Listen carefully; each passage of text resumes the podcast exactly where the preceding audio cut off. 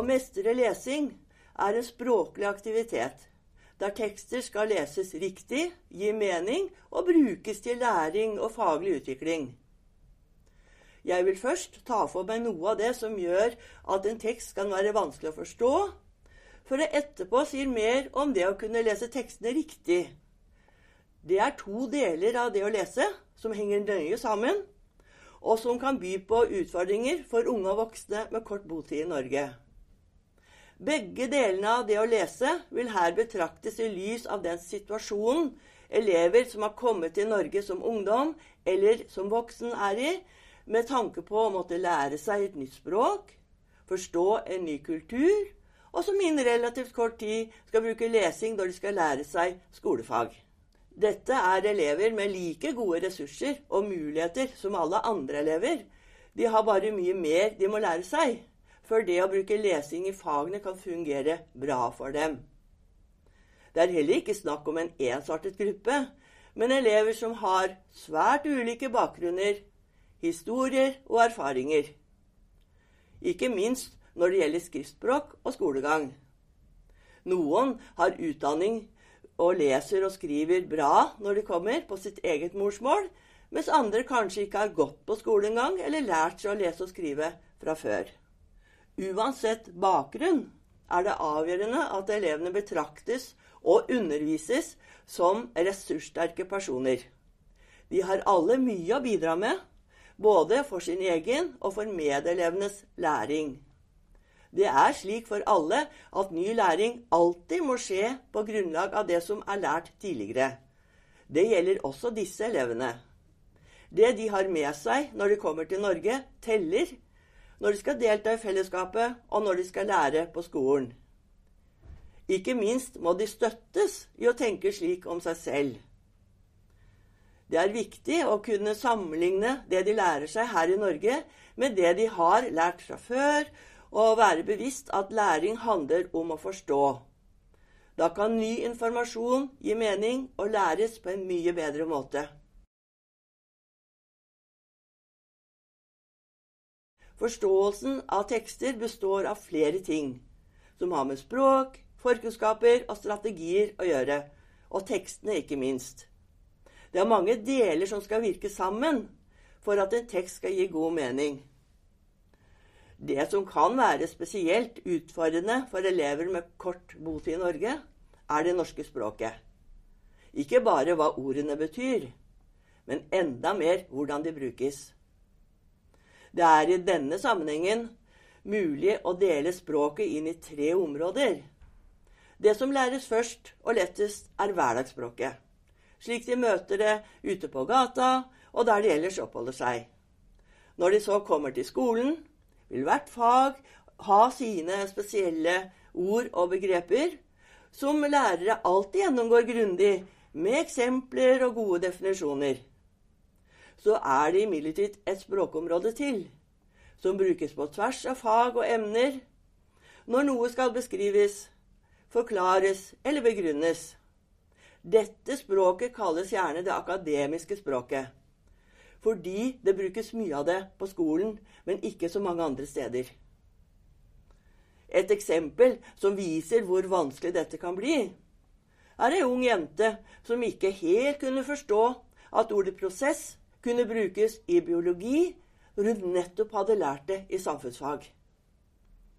Det var for henne ubegripelig at et ord som ble brukt om mellommenneskelige relasjoner, også kunne brukes når hun leste om fordøyelse av mat. Det er forskjell på å forstå hva et ord betyr i en bestemt sammenheng eller kontekst, og forstå ordets mer generelle eller abstrakte begrepsinnhold det innholdet som kan overføres fra situasjon til situasjon. Når det så er mange slike ord i fagene, ord elevene ikke har så mange erfaringer med, blir tekstene vanskelig å forstå. Begrepene er abstrakte ideer som finnes i og mellom oss mennesker innenfor en kultur. Når vi legger det samme i ord, kan vi forstå hverandre og vi kan bruke de samme ordene i mange steder, i mange sammenhenger. Da vil ordene både tilføre og få betydning fra den sammenhengen de brukes i. Dette må læres. For å komme dit kreves et mangfold av språklige erfaringer, slik man får når man vokser opp i et land og kan fullføre sin skolegang der. Noe helt annet er det å flytte til et helt nytt land som ungdom, når man også er midt i en kritisk begrepsutvikling på sitt eget språk. Og så skal lære et helt nytt språk like etterpå. Noen ganger kan ord oversettes direkte, fordi begrepene finnes i flere kulturer. Men like ofte har andre kulturer andre begreper, slik at oversettelse blir mer krevende. Så kan det også være slik som ei ung jente en gang sa. Vi snakker ikke om slike ting hjemme da, og det har ingen ord for akkurat den tingen fra før.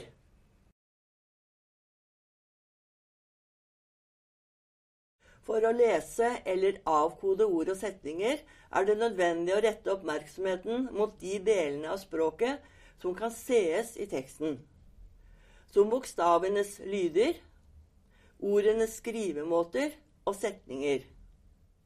Jeg skal si litt mer om hver av disse delene.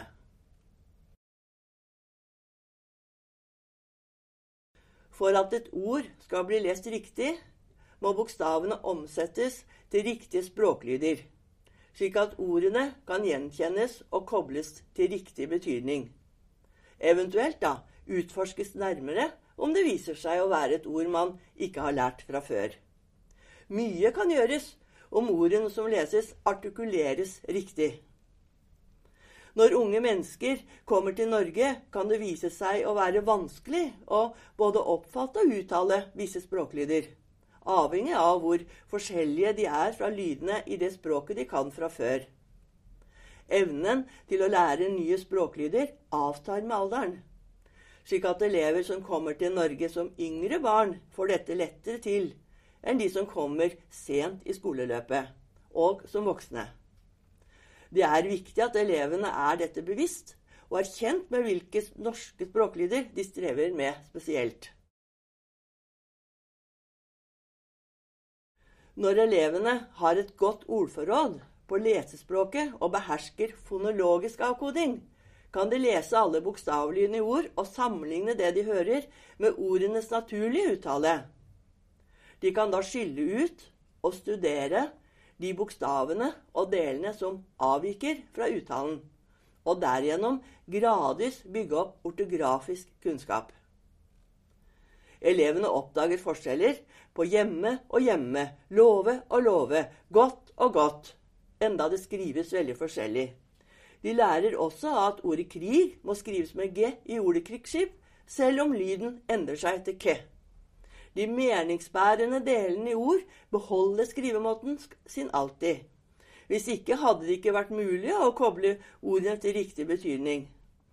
Alt dette kan være vanskelig å få til dersom ordforrådet er svakt, og lydene enda litt vanskelig å få tak på.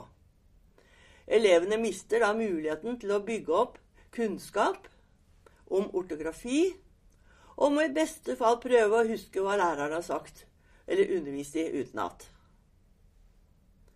Det som heller læres innenfra, gjennom utforskende arbeidsmåter, læres mye dypere og fester seg på en bedre måte, og da blir bruken også tilsvarende bedre. Leseflyt er å lese setninger og avsnitt med god prosodi og naturlige pauser, fordi den gir mening. Uten forståelse blir det ikke flyt. For å oppnå leseflyt må ordavkodingen være sikker og gå av seg selv, slik at oppmerksomheten går mot større strukturer i språket. Da er det snakk om å registrere ordklasser, bøyningsformer og setningsstrukturer. Det å fange opp alle disse detaljene og grammatikken under lesing kreves at det språket man leser på, er godt lært muntlig. Da har man en språklig intuisjon som gjør at man merker når noe blir rart.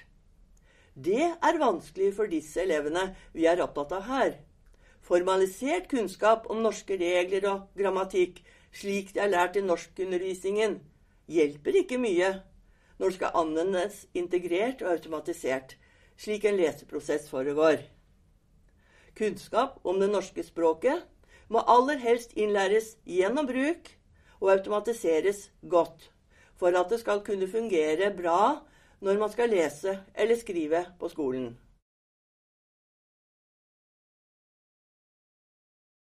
En gang en elev klaget over å ikke huske leksa si, mens han samtidig kuttet alle endelsene mens han leste for meg, viste det seg at den gode balansen mellom sikker avkoding og forståelse ikke fungerte. Avkodingen ble feil, fordi den norske grammatikken ikke var lært på en slik måte at den ble med inn i leseprosessen. Da ble ikke endelsene lest. Da er det lett at språket som er godt integrert og automatisert fra før, overstyrer det språket man leser på, som enda er noe usikkert. Endelsene kom ikke med. Setningene ga ingen mening. Og løsningen? Det ble å huske leksa utenat. Noe annet så ikke han som en reell mulighet for seg. Et annet eksempel er svaret jeg fikk fra ei jente da jeg spurte henne om hva hun gjorde for å forstå det hun leste. Hun satt i en benk i skolegården og øvde til prøve. Svaret jeg fikk, var å forstå det prøver jeg jo på, men det meste jeg gjør, er å huske. Så er det slik at elever lett tenker at det er lærerens fornøydhet med dem som er tellende. Og da kan det lett bli andre løsninger. Som ei jente sa, jeg sier bare ord i timen, jeg, for da tror læreren at jeg forstår det. Jeg gjør jo ikke det, da. Løsningene kan være mange, som å pugge utenat, hoppe over og håpe på det beste eller gi inntrykk av å forstå. Så vet vi også at det er mulig for eleven å ta den jobben som skal til for å kunne lese riktig og forstå tekster i fagene sine. De må bare få hjelp til å løse sine utfordringer. Da er det viktig at lærere finner ut og forstår hva disse utfordringene er.